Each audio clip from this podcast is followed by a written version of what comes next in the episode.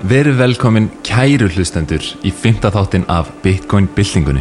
Í þessum þætti ætlum við að fjallum byrðir yfir flæði eða stock to flow og við ætlum aðalega að kafa í mótel eftir hann Plan B sem er hollenskur Quant og hefur gert mótel sem hefur farið vítt og dreift um Bitcoin heiminn og verið mjög vinsæl vegna þess hversu nálægt mótelið nær að spá verðinu á Bitcoin og þetta mótil kemur út 22. mars 2019 og þegar, þá er verðið um, að með minni rétt í kringum 4.000 dollara um, verðið í dag er núna í 40.000 dollarum og þó að mótilið spáði að við værum núna stattir einhver staðar í kringum 57.000 dollara að með minni að þá erum við búin að vera að fylgja því frekar nákvæmlega svo við sjáum svona já, þarf kannski á því að fara aðeins dýbra út í hvað þetta er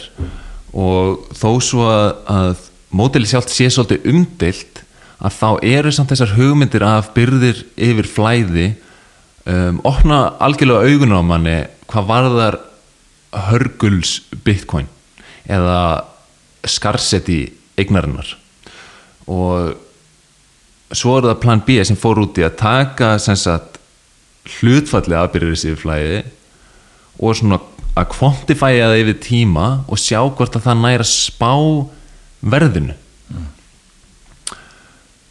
um, Já, að, þetta upprónulega mótel sem hann gefur út, þá er hann með þessa tilgáttu um að hörgull eða scarcity uh, mældur í þessu byrðir á móti flæði hlutfalli hafi þá bein áhrif á virði eignarinnar Akkurat. og hann tekur þarna bitcoin sem að hefur á tímanum sem hann gaf út greinina einhverja tíu ára sögu af uh, gagnapunktum í raun og veru og miðar það við mjög vel þekta sögu gulls og silvers þannig að við þekkjum byrðir á móti flæði hjá gull og silveri við förum kannski alltaf dýbra út í sko, hvað byrðir og, og flæði eru. Já, kannski bara byrja á því svolítið. Um, að að byrðir yfir flæði, þetta er, þetta er raun og verið ekkert svo flókið.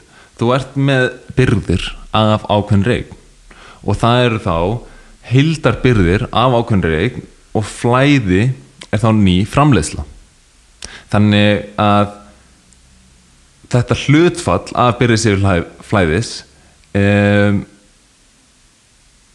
gefur okkur hugmynd um hlutfallslega stærð núverandi byrða mm -hmm. á markaði miða við nýja framleyslu þannig að við getum bara tekið dæmi bara einfalt dæmi, bara eins og gull. Akkurát. segjum að allt það gull sem við erum búin að náma bara frá upphafi síðmenningarinnar séu þúsund tonn. Bara það er örgulega mikið meira en það en bara ímyndum okkur að það séu þúsund tonn af gulli sem er búið að grafa upp og er upp á yfirborðinu. Á hverju einasta ári þá náum við að grafa upp segjum tíu tonn þannig að við erum með byrðinar af gullinu sem eru þúsund tonn og flæði á hverju ári eru tíu tonn. Þannig að við erum með byrðir á móti flæði og getum reiknað þarna út hlutfallstölu. Akkurát um, og það sem er svolítið magna í þessu er að það eru alls ekki margar eignir og, og þá tölur við kannski sérstaklega um eins og ja, jú, við segjum eignir að þá er ekki margar eignir sem hafa hátt hlutfall af byrðist yfir flæðis hlutfallið er vanalega í kringum einn eins og brons uh,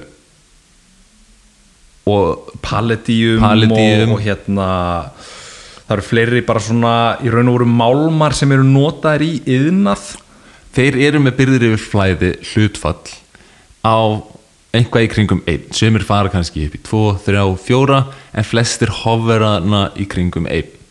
En svo er það gull sem er einmitt með byrðir yfir flæði samkvæmt greinast plan B á þeim tíma sem hún er skrifuð þá er hlutfalli 62 og á silfri er það einhvers einhvers staðir kringum 30 einmitt. og þetta er það sem við köllum uh, the monetary metals silfur og gull. Og hér gefur svona skilja veist, það er líklegast af, út af þeirri ástæðu að það er með háttbyrðir flæðihlutfall að það sé notað sem peningur. Já, og það er kannski bara ágætt að fara yfir sko af hverju hérna við gætum ekki verið að nota þessa hína málma sem monetary metals. Já, og bara tökum dæmi um hérna palladium, platínu og aðra málma. Ef að einhver aðili sem er að framleiða þessa málma eða sem sagt grafa þá upp hann myndi ákveða herru, ég ætla ekki að fara með hann út á markaðin af því að ég ætla, ég ætla að horta þessa málma. Og þá mun verðið hækka á markaðinum af því að það er erfitt aðgengi að þessum þessum hráurum.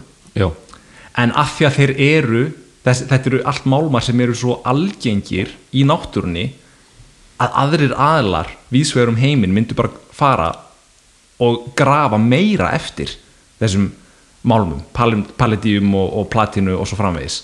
Akkurat einmitt þegar verðið á svona eignir eins og, eins og kannski palladium myndi hækka það sendi það svona skýrt signal á markaðin um að hann eigi að búið til meira. Einmitt. Og það er þannig að eign sem er með lágt hlutfall er með svipaðar byrðir og árlegt flæði og það þýðir að verðið á eigninni ef að verðið á eigninni myndir rjúku að þá myndir það hafa gífurlega áhrif á frambúið öfugt við til dæmis eign sem væri með hátt hlutfall þá hefur árlegt ef að árlegt flæði myndi hækka þá hefur það ekkert svo mikil áhrif á frambúið þannig tökum sem dæmi eign sem er með er, byrðir yfir flæði hlutfall af einum ef árleg framleiðsla á þeirri eign myndi aukast um 50% þá myndi byrðirnar aukast, Aukast. um 50% -hmm. en síðan ef við værum eign sem byrðir yfir flæði hlutfall af 100 að þá ef að, ef að árlegt uh, frambúð myndi aukast um 50% þá væri það bara 0,5% aukn, aukning í byrðunum. Einmitt. Þannig sama aukning í árlegri árlegu frambúði mm eða framleiðslu en það er að hafa þú veist uh, tölfræðilega miklu minni áhrif á byrðunar já, og þetta er gríðarlega mikilvægt þegar við erum að tala um að einhver getur þjóna sem store of value. Já. Og þetta er einmitt ástæðan fyrir því af hverju gull og silfur í sögulegu samhengi hafa geta verið notaðar eða þess að þær hráur hafa geta verið notaðar sem svona peningur. Akkurat, að þetta ert með þú ert með þetta hlutfall sem er miklu miklu hærra en Já. í raun og veru allt annað. Einmitt og svo ertu komið með bitcoin. Og bitcoin er í raun og veru hérna fyrsta fyrirbærið í heiminum sem að er perfectly skars eða fullkom, fullkomlega hörgult eins og við höfum verið að tala um. Já. og þarna ertu í raun og veru búin að búa til fyrirbæri sem að hefur hátt stock to flow ratio eða byrðir á móti flæði hlutfall og það heldur áfram að aukast eftir magna, því sem tímanum líður. Einmitt, það magna við Bitcoin er að þú veist, þú veist alltaf vegna þess hvernig Bitcoin virkar og vegna þess hvernig við vitum nákvæmlega hvenar næsti bálk, bálki kemur út og hvað í honum verða mörg Bitcoin gefin út þá vitum við nákvæmlega bæði hvað verða til mörg Bitcoin eftir til dæmis 5 ár og hvað verða mikið mikil Bitcoin í frambúði -hmm. þannig að þetta er algjörlega einstakt á að geta vita þetta svona nákvæmlega uh, inn í tíma hvað þetta hlutfall af stock to flow er hátt. Einmitt. Engin önnur er svona. Þú getur ekki, þú getur ekki spáð fyrir hvað frambóð og gulli verður mikið eftir fimm ár. Já, það er bara í raun og veru ómögulegt að gera það af því að við vitum ekki hvernig tækni fyrir fram eða þú veist eða bara hver eftirspurnin verður skilur já, akkurát en að við vitum ekki frambóð nei, einmitt. Af því að við vitum, eh, við vitum ekki hvernig þú veist hægt sé að mæna það eða, eða hvað, þú veist hvort það verið tækni framfarir eða hvort að eða hvað gerist. En með Bitcoin þá veistu alltaf þú veist alltaf nákvæmlega frambóðið það er fasti í raun og veru. Það er fasti, já, já, og kannski bara áhugavert að fara pínundi út í þetta með einmitt hvernig frambóðið er fasti. Bara ef við förum út í bara nákvæmlega hvernig bitcoin verða til og hvernig þau leysast út í hægkerfið Já. bara til þess að útskýra fyrir hlustendum. Þannig að við erum með bitcoin kerfi sem er sett á laginar árið 2009 og það virkar basically þannig, það var allir heyrt um bálkakeðjur eða blockchain. Og þetta eru raun og veru þessu kubbar sem að verða til á cirka 10 mínúna fresti. Og hverjum einasta kubbi sem verður til þá leysast út verðlun til uh, þess aðila sem að stundar námugröftin eða bitcoin minerinn sem að finnur lausn á vandamáli sem að kerfið krefst að fá lausn á áður en að nýr bálkur verður búin til sá aðili fær verðlun og fyrstu fjögur árin og bitcoin kerfið var til þá voru verðlunin fyrir að finna nýjan bálk 50 bitcoin.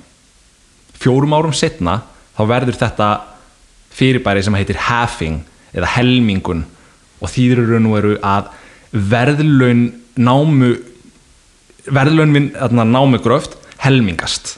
Þannig að 50 bitcoin í verðlaun breytast allt í hennu niður og fara niður í 25 fjórum árum setna er það 25 að 12,5 og núna árið 2020 var síðasta helmingunin í bitcoin kerfinu í mæ ef ég mann rétt og verðlunin í dag eru, eru 6,25 er það ekki rétt hjá mér? Eða eru við kannski farin einu, einu neðan en það? Nei, það er rétt já, 6,25 bitcoin færðu fyrir að náma nýjan bálk.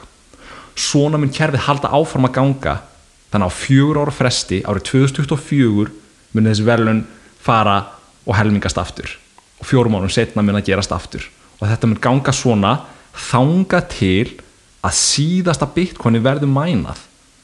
Og að því að við erum með þetta frambóð sem fasta þá getum við reiknað út með nokkuð nákvæmum hérna, ná, nákvæmri tímasetningu hvenar þetta síðasta bitcoin verður mænað og það er talið gerast árið 2140 Já, við vitum náttúrulega ekki nákvæmlega um, upp á hár af því að kerfi virkar þannig að, að þegar að koma fleiri mænirar þá eru bálkarnir snegra að fara í gegn.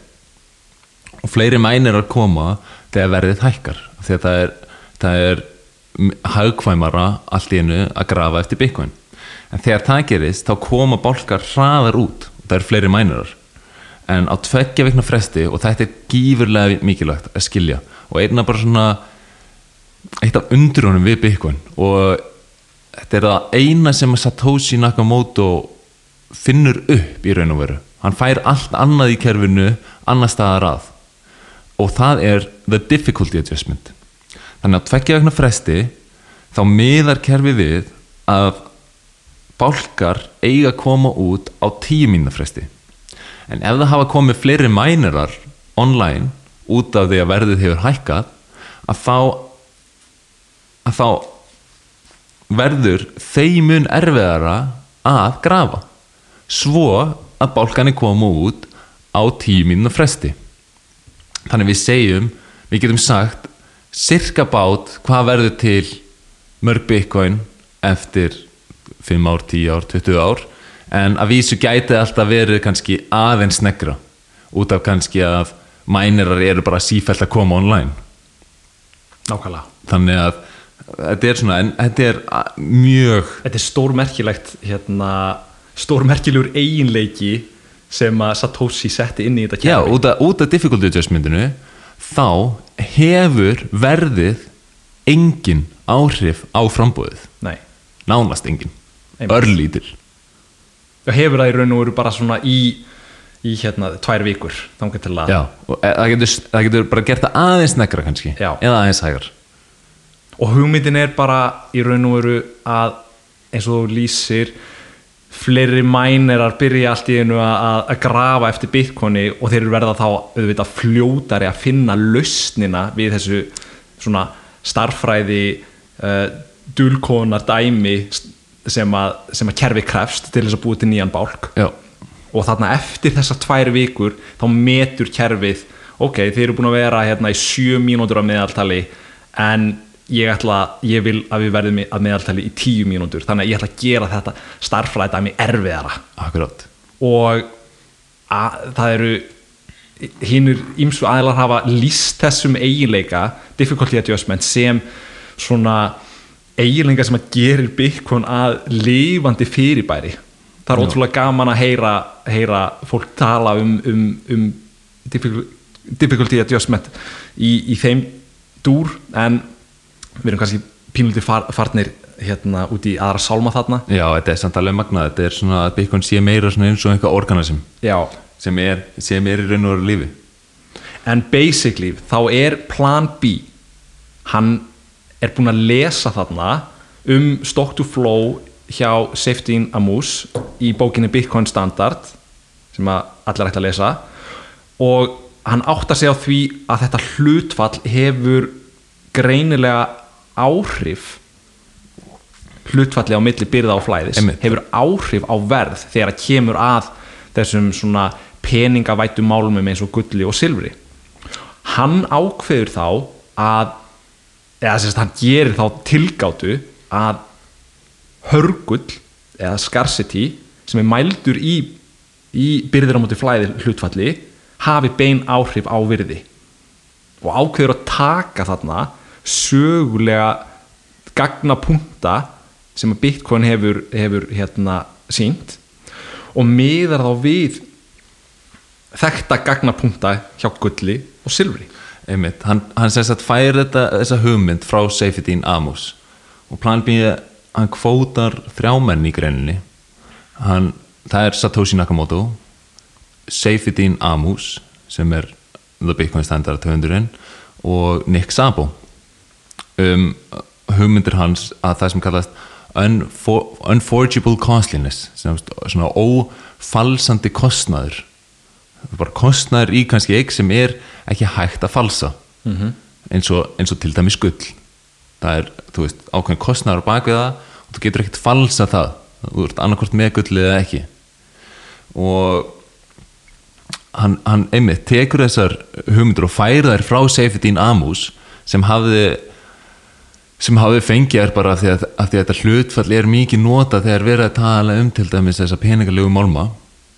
Og hann sem quant um, quantifæra það. Og tekur hlutfalli og quantifæra það.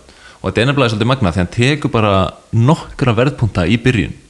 Já, 111 verðpunta sérst fyrir bara mánuðina í raun og oru já, frá, ég held að það hafa verið frá oktober 2009 til februar 2019 þannig að þú veist þetta eru 111 mánuðir 111 gagnapunktar.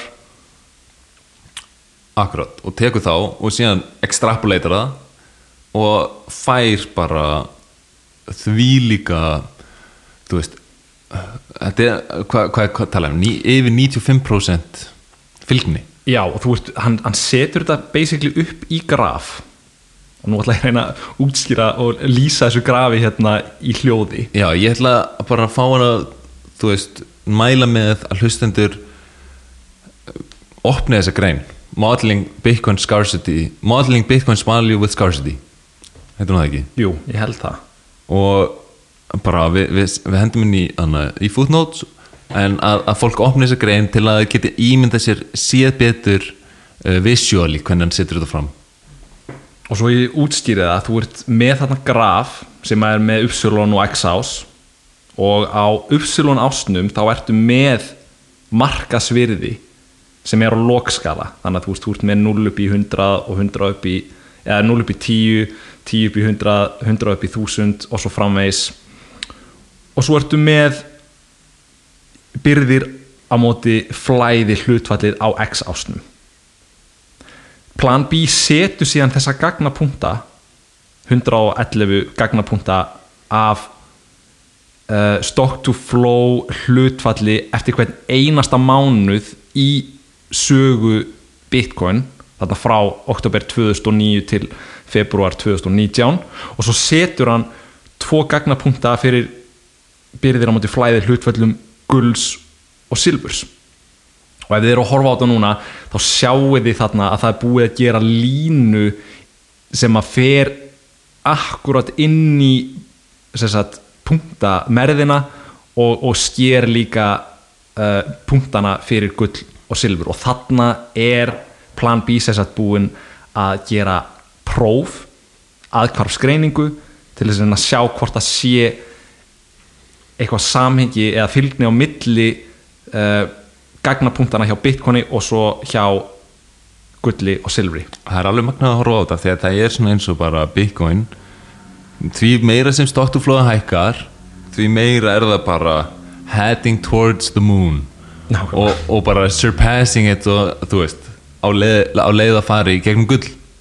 Og þetta er nefnilega já það er alveg ótrúlega að sjá hvað þetta virðist vera eh, mjög tengt og ekki bara virðist af því að þetta próf það í raun og veru bara það er hægt að segja þá uh, prófið se- segir að það er tölfræðilega marktækt samband á milli byrða og flæði hlutfalsins og, og þú veist þetta er innan 95% hérna öryggispils það er ekki 100% en 95% þá getum við sagt að það sé tölfræðilega marktækt plan B, hann heldur í fram í þessari greina að líkunar á því að sambandi sé tilviljun. Það er alltaf þessar 5% sem, sagt, sem að 5% líkur á því að þetta sé tilviljun og það sé ekkit samband á milli. En hann segir að það sé nánast engar hérna, líkur á því. Það hafa verið auðvitað aðila sem er að gaggrina, gaggrina mótil og við fyrir kannski yfir það á eftir. En hann segir að sko ástæðan fyrir því að þetta er ekki er ekki 100% samband sé að þú veist það eru aðrir þættir sem að stjórna ver, verðinu að sjá að auðvitað gera, gera það skilur, það er ekki, það getur komið ímislegt hérna sem að, sem að stjórna verðinu annað en þetta. Bara þú veist fréttir um hamfarir og, og hitt og þetta skilur. En að megin þátturinn sem að útskýri verðið það virðist vera hörgull og, og hérna byrðan á móti flæði hlutfallið þannig að þetta Já. eru nýðustöðu mótelsins og þegar að hann hendir þessari grein út þá eru allir mjög fljótar að hoppa á þetta og, og, þetta í raun og veru þetta fær strax mikið lof er mikið lof að, að þetta er eitthvað sem að enginn hafði og voru margir búin að hugsa um þetta vissu að hörgull bitcoinsins væri einhvers virði en það var ekki búin að, að gera svona tölfræðilega marktækt próf sem að í raun og veru ekki sannar það en uh, gefur svona gríðarlega sterkar og, og tölfræðilega marktækar hérna, niðurstöður sem að sí- sína að þetta gæti verið. Já, það meiri sé að þá hefur Seyfðin Amus verið mikill aðdáðandi og hefur verið svona proponent af þessu mótili um, sem er svolítið áhugavert af því að þetta fer í raun og verið svolítið gegn austurísku hagfræðan og sem segja að þú, það er engin konstant í mannlegri hegðun. Þannig hvernig ættur að geta vitað um, hva, hva, hvað fólk væri til dæmis að kaupa af bitcoin af því að þú ert ekki með einhvern konstant? Já, og anna, en þá segir Sefdín að í, þetta er í raun og veru fyrsta skiptið í hagfræðinni þar sem við erum með konstant einmitt með fasta sem væri, væri hægt að Já, miða við. og það er þessi 21 miljón veist þetta er í fyrsta skiptið þar sem við erum með einhvern bara svona algjöran algjör, algjört konstant og að, að þar að leiðandi þá eru kannski svolítið kenningar austurísku hagfræðinar svolítið brotnar og að hérna, og að sé í raun og veru hægt að mæla mannlega hefðun um, Áhugavert. þetta, þetta er allt mjög áhugavert. Um, mótilið kemur út hana 2000 og 2019 í mars og þá er verði í kringum 4.000 dólara og ég, ég man alveg stutti eftir þetta mótil kom út og maður svona, þú veist, já tók eftir því, en síðan svona var verðið að fylgja mótilinu mjög bara þjætt mjög þétt. Og, og það er nefnilega bara ótrúlega áhugavert að horfa til þess að þegar þessi grein kemur út upprunlega greinin já, þá spáir hann því að ári sem sagt að því að þarna var helmingunin í mæ árið 2020 ekki búin að eiga sér stað. Hún átti að eiga sér stað hérna nokkur mánuðum setna en hann spáir því í greininni að sagt, eftir þessa helmingun í mæ eftir nokkra mánuði þá myndi markasvirði bitcoin samkvæmt módelinu fara upp í 55.000 bandarækjadólara eða ná þessu 1 trillion market cap. Akkurat. Sem að það gerði. Já, það gerði það reyndar held ég mánuði eða tveimur setna en þrátt fyrir það þá sýnir þetta að mótili var þarna búið að spá spá fyrir um rétt. Og kannski að snertir um það að módeli er ekki að reyna að spá fyrir um nákvæmt verð á bitcoin. Það er meira að reyna að sína þér hvað verðið ætti að vera samkvæmt stokkt og flónu en síðan hagar verðið sér allt öðru sér, því þú ert með náttúrulega bara svona mannlega hegðun og, og alls konar sem getur gerst. Eins og við tökum dæmi að þá, þá var verðið að fylgja módelinu mjög stíft þangað til í mars 2020 þegar það kemur hérna, liquidity crisis. Einmitt. Og bara allir markaðir, ekki bara heldur allir markaðir bara plömmita og Bitcoin fer held ég úr einhverjum einhverjum tíu stólurum já, niður í þrjúðust og eitthvað. Og allir heldur að Bitcoin væri bara búið Já, í kannski svona tvær, þrjár vikur þá til að, að hérna, aftur raun og veru. þannig að það sem gerist þar er að, að þú veist, verðið fer niður fyrir mótilið en síðan er eins og mótilið virki sem ákveðin svona segull og verðið virðist alltaf svona aftur svona fara í kringum það. -hmm. og þú sér það líka um, í til dæmis lokin á, á búlmörkuðum. Þú veist, að þá er svo mikið FOMO, Fear of Missing Out í, í gangi og svo mikið hype að, að það allir verða bara svona irrational og, og fara að kaupa bitcoin að þér vil ekki missa af lestinni. Þannig að þar lætur verði svona rjúka langt yfir mótilið en síðan virðist það svona sogast aftur að að þessu hlutfallega stock to flow eða að þessu prediction hjá plan B. Einmitt. Og það er nefnilega mjög áhugavert. En að, að það er eitt sem er mikilvægt í þessu að þó svo eins og stock to flow mótili sé að spá 100.000 dólarum í lók árs 2021 Mhm. uh, og sé svona hoverandi svo, svolítið í kringu það þá til næsta halving að þá historically er, er verðið að skjótast langt yfir það áður en það kemur aftur niður. Einmitt. Þannig að það er þetta að hu- hugsa um þetta sem bara svona gorm sem að tegist en hann fer einhvern veginn bara svona fluctuatar upp og niður en finnur sig alltaf í svona jafnvægispunkti Akkurat. á endanum. Já, en hann sveiplast þarna á milli sko. já, en já, við fjöllum basically hérna fyrsta móteli sem hann gefur út þar sem hann spáir þessu 55.000 dólar virði hann uppfæri það síðan eins og þú ert að benda á. Hann uppfæriði þetta fyrsta mótel sitt nokkrum mánuðum setna hann gefur það út þarna upprunalega í mars 2019 og breytir gagnapunktunum hjá Bitcoin þannig að hann tekur sko já, hann finnur raun og veru nákvæmari gagnapunkta og mið, nær gagnapunktum sem ná lengra inn árið 2009 og í staðin fyrir að notast við mánuði þá notast hann við, við hérna stock to flow hlutfallið fyrir hvert ár. Skiptir ekki öllu máli en basically upprunulega mótilið spáði markasverðinu á Bitcoin í 55.000 dólarum en uppfæslan fór síðan upp í 100.000 dólara akkurat. En síðan nokkur mánuðum setna þá gefur hann út aðra grein. Já, og þar sem að hérna hann, hann býr raun og veru til nýtt módel.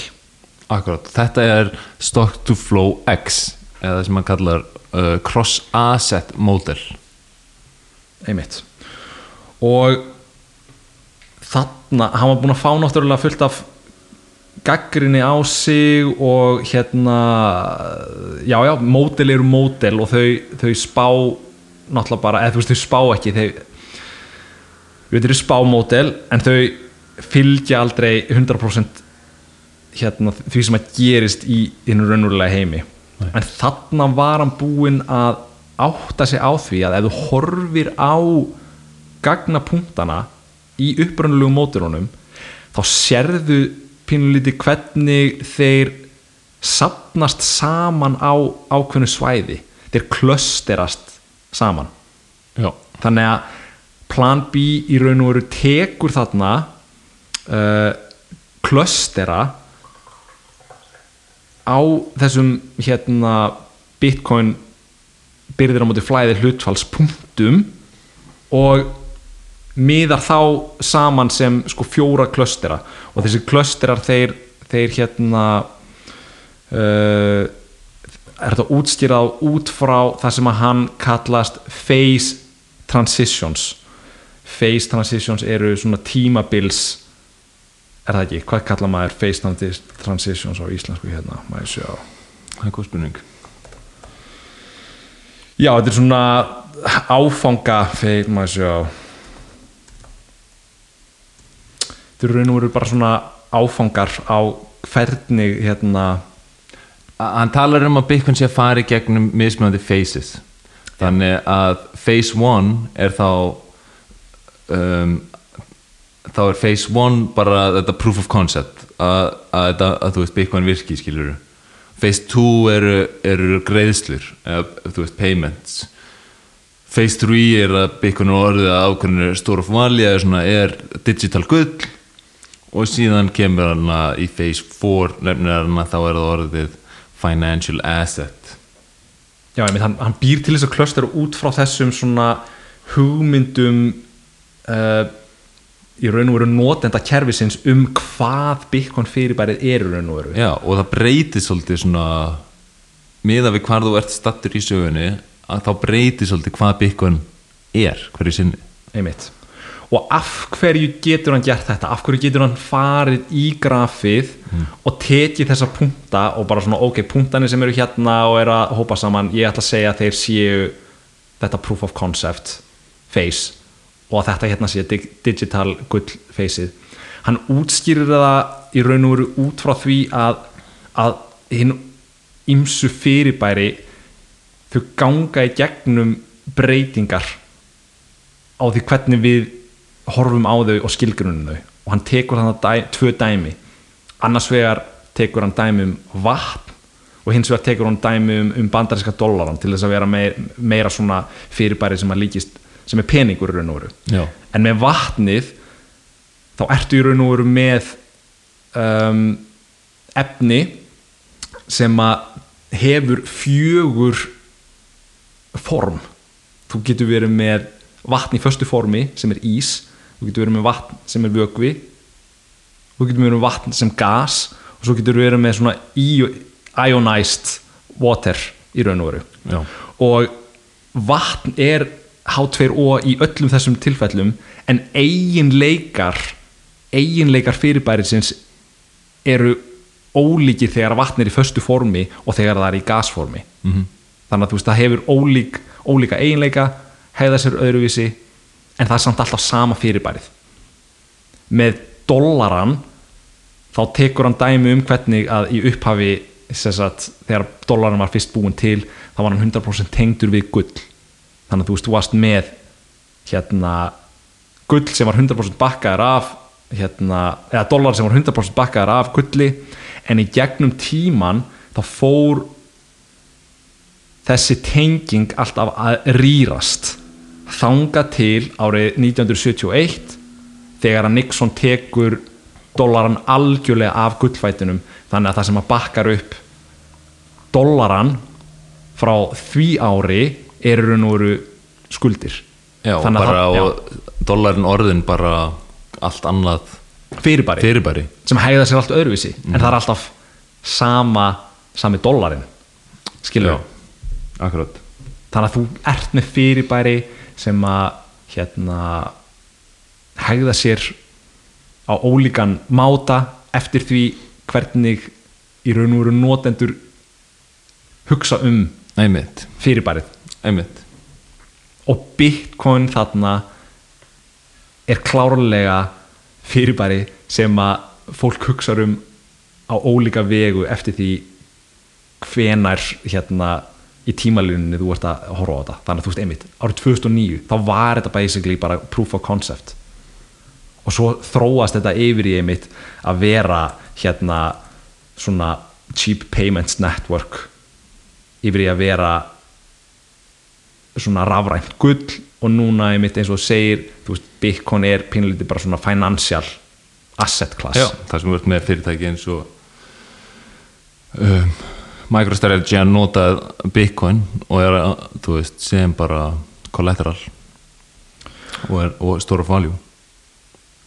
Þannig að plan B hann tekur þessa gagnapunkta eins og við erum búin að vera að lýsa og hann klösterar þá saman eftir þessum fjórum feysum og svo bætir hann við gull og silfri. gull og Já. sér og keirir aðkvarfsgreiningu þar sem hann reynir að sjá hvort það sé eitthvað samhengi þarna á milli. Og niðurstöðunar eru þær að þetta er nánast 100% samræmi þarna á milli. Það er 99,7% fylgni. Akkurat. Sem að er bara ó, ótrúlega ótrúlega nála því að vera bara 100% fullkomið. Já, og þarna ertu basically komið með bara svona þú ert komið með mótel sem að, sem að ef að þú trúir þessu að, það sé, að þetta, sé, þetta sé ekki tilviljun þá getur þú byrjað að spá um hvar verðið gæti endað eftir næstu fjögur ár. Já, hver ge- verður getur verið til dæmis eftir næsta halving Það er hægt að fara á Google og skrifa einfallega um, stock to flow model eða Bitcoin stock to flow og þú getur fengið bara live sem satt graf þar sem þú getur bara séð og skrolla um byttanum hvað verðið á Bitcoin ætti að vera miða við stock to flow. Og ég mæli með að fólk fari inn á þessi síðu. Þetta, hún heitir stats.bybitcoinworldwide.com og hún innihaldur þessu gröf og það er mjög áhverjað að sjá einmitt að geta séð hvar verðið er núna eftir núna þegar við erum að ganga inn í þetta halving eða ganga inn í þetta epoch kannski, ef þú vilt og hvar verðið verður eftir næsta halving. En samkvæmt stock to flow grafinu þá erum við að fara að vera í þá er stock to flowið sem sagt að fara að vera í einhvað kringum 100 dólar og og hofverar þar alveg þanga til næsta halving sem er 2024 held ég. Já, 2024 og, og þá byrjar það aftur að rjúka upp. En síðan er þetta með stock to flow X módeli sem er miklu meira bullish. Og það er að spá verðin einhvers það er í kringum 288.000 dollara í þessu íbóki og að sem sagt síðan 2024 þá, þá rjúkið það aftur upp. Og farið hann í, í nokkra miljónu dollara.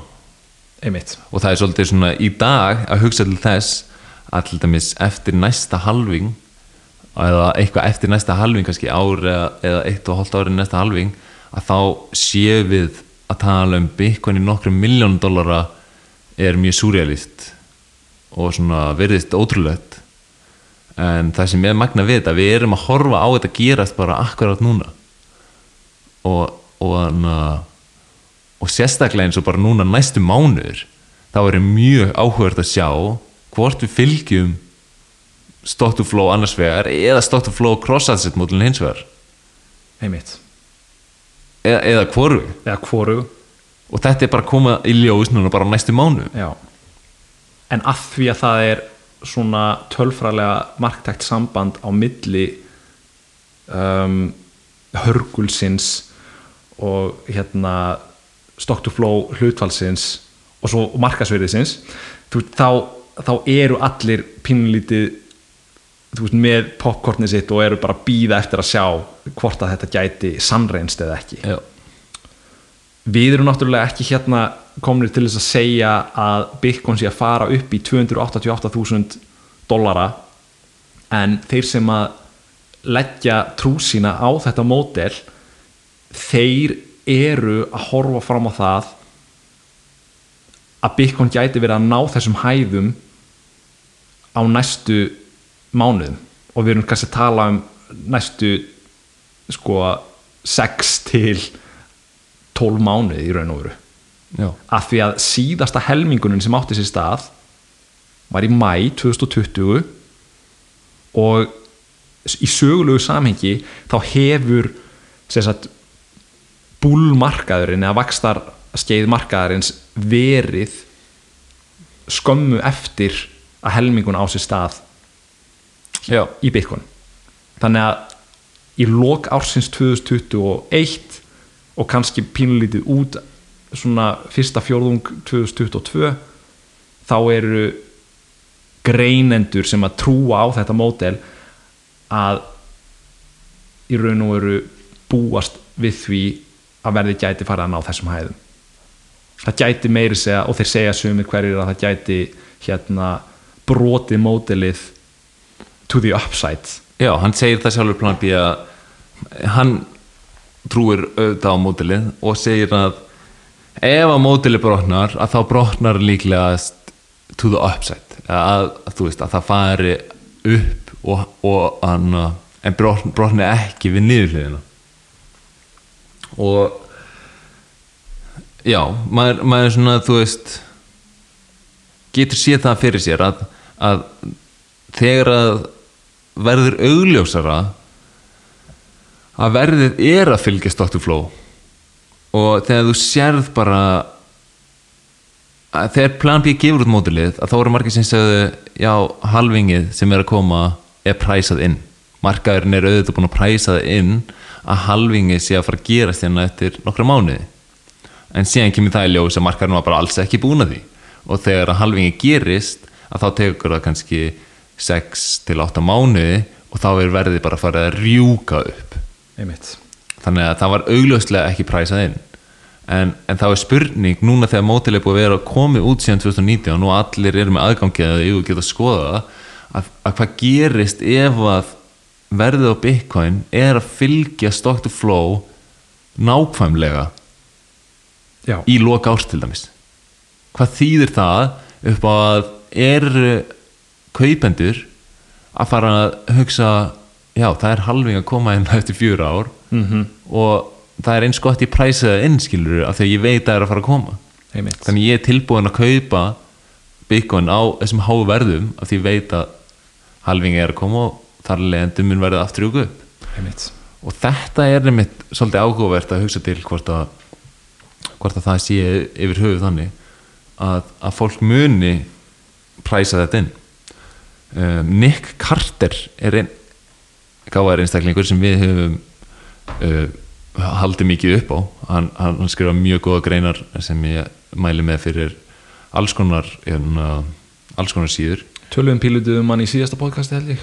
Já, Hann var basically á hérna Bitcoin Miami Conference og var með svona smá slúður. Akkurat emitt og hérna, hann skrifaði grein í kjölfara þessari stóttu flógreinu og safetyin um efficient market hypothesis. Að þess að markaðurinn er það efficient í að finna verð? Og þar leðandi þú veist, er hann búinn að præsa þetta inn? Einmitt, af því að upplýsingarnar eru opnar fyrir öllum já, þá ætti engin að hérna í raun og veru vera að taka einhverjar svona, skinn, svona einhverjar ákvarðanir sem að annar aðili hefur ekki aðgang að. Nei. Og, en plan B svona sýnir svolítið til dæmis fannst þeim mjög magnat en sýnir á future samningarnir. Ef þú tekur future samninga Bitcoin sem eru þá þegar fólk er að veðja ver, hvað verðið er á Bitcoin inn í framtíðina -hmm. að þá er engin breyting á futures verðum um e, kringum halvingið. Nei, einmitt. Og þetta var þá halvingið sem var 2020 sem hann er að tala um. En það er mjög áhugavert.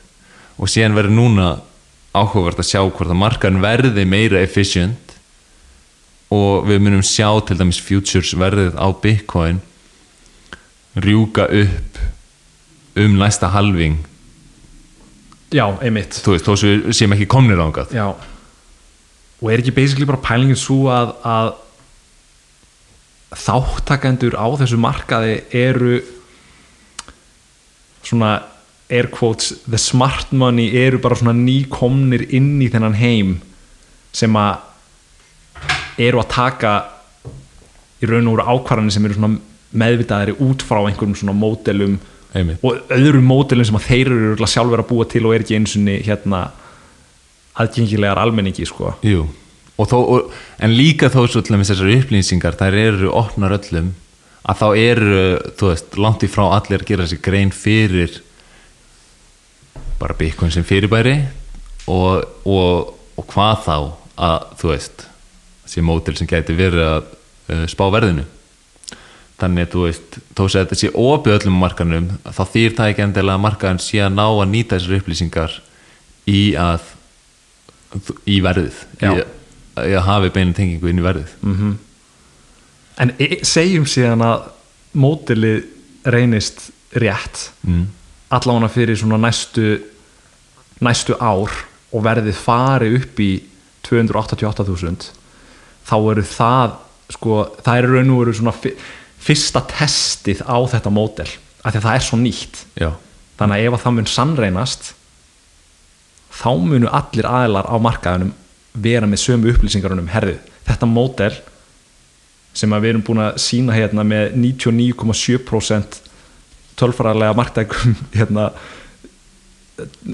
prófum uh, að verði sé að heldur áfram að heldur sanna sig. áfram að fara upp.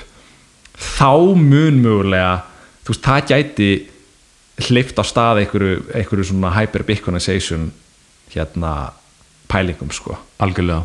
Að þá vilja allir fara að frontrönna næstu helmingun sem mun eiga sér staður 2024 Já. og inn í framtíðina. Einmitt, og þá er allt í einu verðið bara þú veist sky's the limit.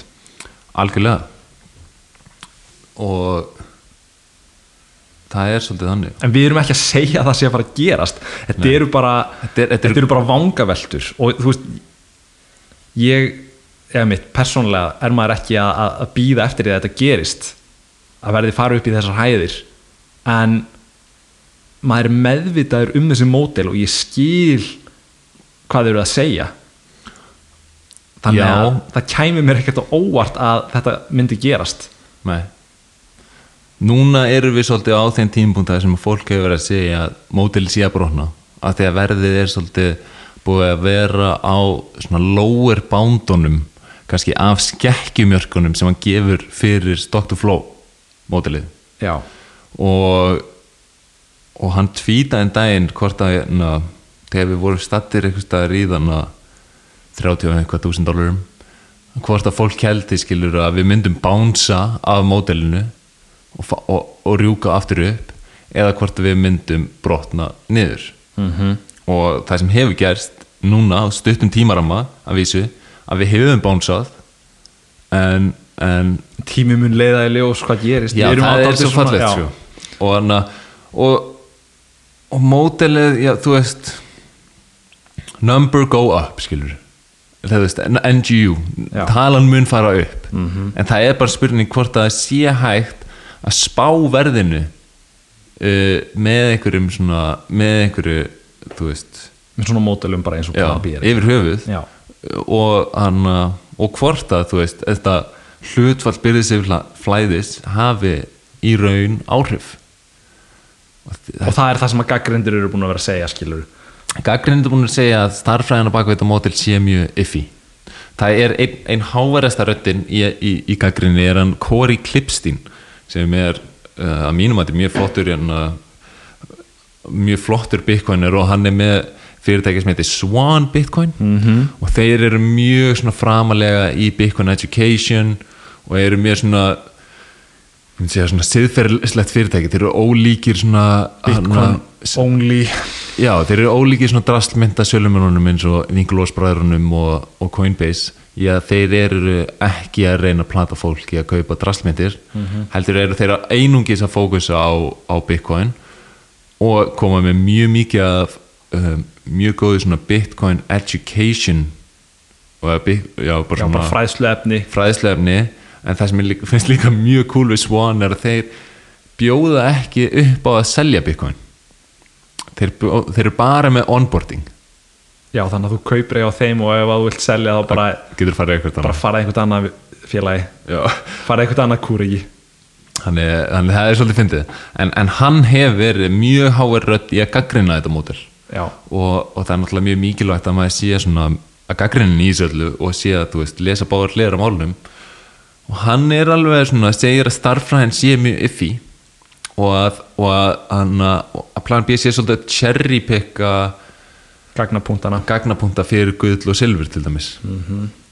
Og hann segir ennþá fremur að þegar þú ert að horfa á einhvað á svona logarithmísku grafi að þá klöstrast allt saman og virðist vera um, svona meiri svona tengsl á milli já, einmitt. Heldur en það er kannski Já. í raun og veru. Já, um, og, og hann segir líka bara svona, já, hvernig getur verið ykkur fasti til að viss í mannlegri hegðun? Hvernig, veist hvernig getur þú spáð fyrir að, veist, Michael Saylor ákveður að kaupa Bitcoin fyrir eina, og Michael Saylor segir þetta líka. Hann er, hann er ekki talsmaður að Stockton Flow.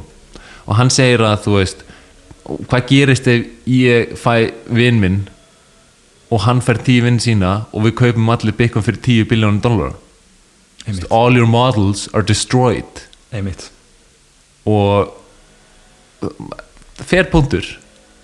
En síðan kemur kemur Seifedín Amus og það er mjög gaman að hlusta á þá tvo tala um þetta, Michael Saylor og Seifedín Amus og hann segir bara þú veist það, þetta ætti ekki að vera.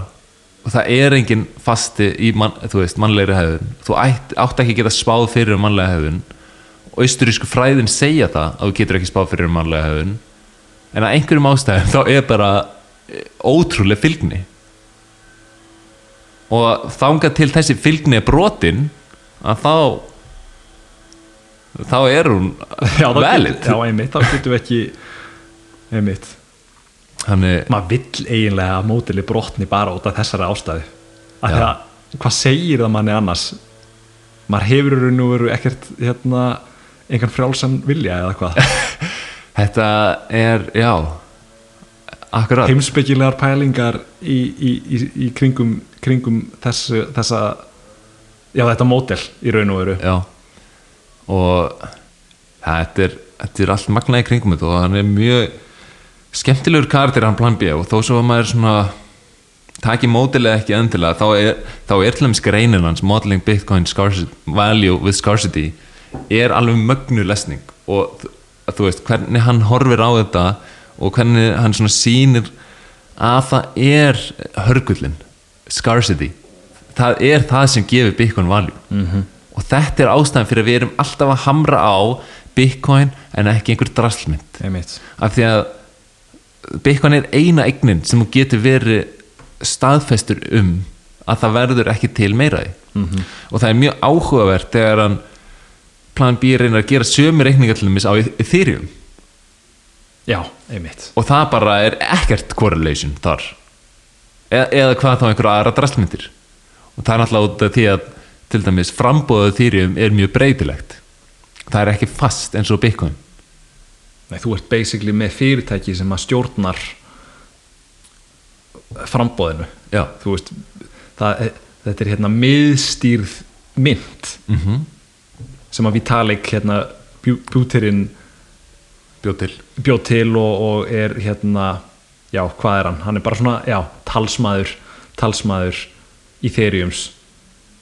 En það er einmitt, ef maður horfir á gröf sem að sína um, magn Ethereums inn á markaðinum þá er það bara svona upp og niður hægri vinstri. Já, bara út, út um allt. Já skulum reyna að setja þetta í notes um að hvernig þetta lítur út og tökur í Ethereum fyrir. Já. Eða, við setjum allavega hvernig peninga sagt stefna Ethereum hefur verið. Já, og það er líka alveg mjög magnað að sjá peningastefnu Bitcoin, hún er alveg skýr og mjög föst. Bara, já, nákvæmlega. Þannig þetta er, þetta er svona koncept sem að maður þarf pínlítið að hérna lesa þessa grein kannski eftir að það er ekki nóg kannski að hlusta á það sem við erum að segja það þarf að sjá þetta fyrir sér með því að horfa á, á grafið og Já, og séðan bara svona endilega, eh, þú veist, koma og, og spjalla um þetta við okkur í, í grúpunni. Við höfum verið að fara svolítið svona í þessar hugmyndir og, og tala um gaggrinin og eitthvað og þú veist, þetta er allt bara að gerast núna, þannig bara, þetta verður mjög spennandi. Það er mjög spennandi mánuður framöndan og sjá, þú veist, hvort við séum að fara að stefna í þetta super bullish 288.000 dólar að bitcoin í loka árs byrjun næsta árs. Verðum við meira í kringum 100.000 dólar að markið? Erum við algjörlega er þetta mótil bara að fara að brotna og við verðum bara einhvers staðar, þú veist um- í svipuðum hæðum og núna? Æ, þetta er allt opið. Þetta er allt opið. En eina sem er fyrir víst er að maður ætti að stakka allt nákvæmlega, stakka sats og Bitcoin heldur áfram að gera það sem að gera best. Já, búið til nýja bálka á tíu mínúna fresti. Algjörlega. Síðan kemur næstið helmingun nákvæmlega. Og, hana, og það er bara fasti. Þannig að þó svo að mótili kannski reynist ekki rétt að þá, að þá skiptir það nú ekkert öllu máli en, en það er því alveg mjög áhugavert ef þetta reynist rétt. -hmm. og, og þú veist hvað þetta þýðir í raun og veru fyrir hagfræði þú veist þú hefur aldrei verið það hefur aldrei verið hægt að gera almennilega útreikna, útreikninga í hagfræði út af það er enginn fasti þannig að ekki bara hvað þýðir það hvort þú getur gert þetta mótilega ekki, heldur getur þú gert fleiri til dæmis hagfræðilegra útreikninga mm. sem eru, þú veist eru miklu þjættari kannski út af, út af koma með en fasta. Einmitt, sem, sem getur unnu út frá. Já. 21 miljón sjáum hvað hagfræðingar heimsins gera þegar að hérna, móteli gæti orðið að veruleika eftir nokkru mánu já, og bjóðum síðan í heimsók já, í spjall. Já. Það væri gaman að fá einn. Algjörlega, þurfum að fara að fá einhverja efasendamenn í spjallið. Gerum það á næstinni eða þeir vilja mæta. Algjörlega, annars minnum við bara á Twitter hópin okkar. Nei á Twitter hérna handla okkar atbyltingin, Telegram grúpin okkar, það er komin yfir 50 manns og bara allir superspendir svaka spjall í gangi Já. ég bara, þetta kom mér á óvart. Já, ef að fólk er eitthvað smeykt við að downloada Telegram bara alls ekki vera, þetta er algjör snildar forrið og bara auðvelt að setja upp og og leita bara bitcoin bildingin Já, bara leita Bitcoin bitcoin í grúpuna einmitt. Og, hana, og bara endilega sk- skjótið á okkur spurningum. Og þú veist ekki vera feimin við að koma með heimskulega spurningar eða, eða eitthvað sem þið efist um þú veist, bara hendu þessu öllu að nú það er, þetta er, þú veist, algjörlega nýtt fyrirbæri og mjög skiljanlegt að fólk sé ekki að skilja þú veist, brota brota af þessu. En þess vegna erum við að fara yfir þessi svona Einmitt. fundamental atriði núna í fyrstu þátt einmitt. Við erum ekki bara góðir. Jú, þökkum bara fyrir okkur. Takk fyrir okkur. Verið sæl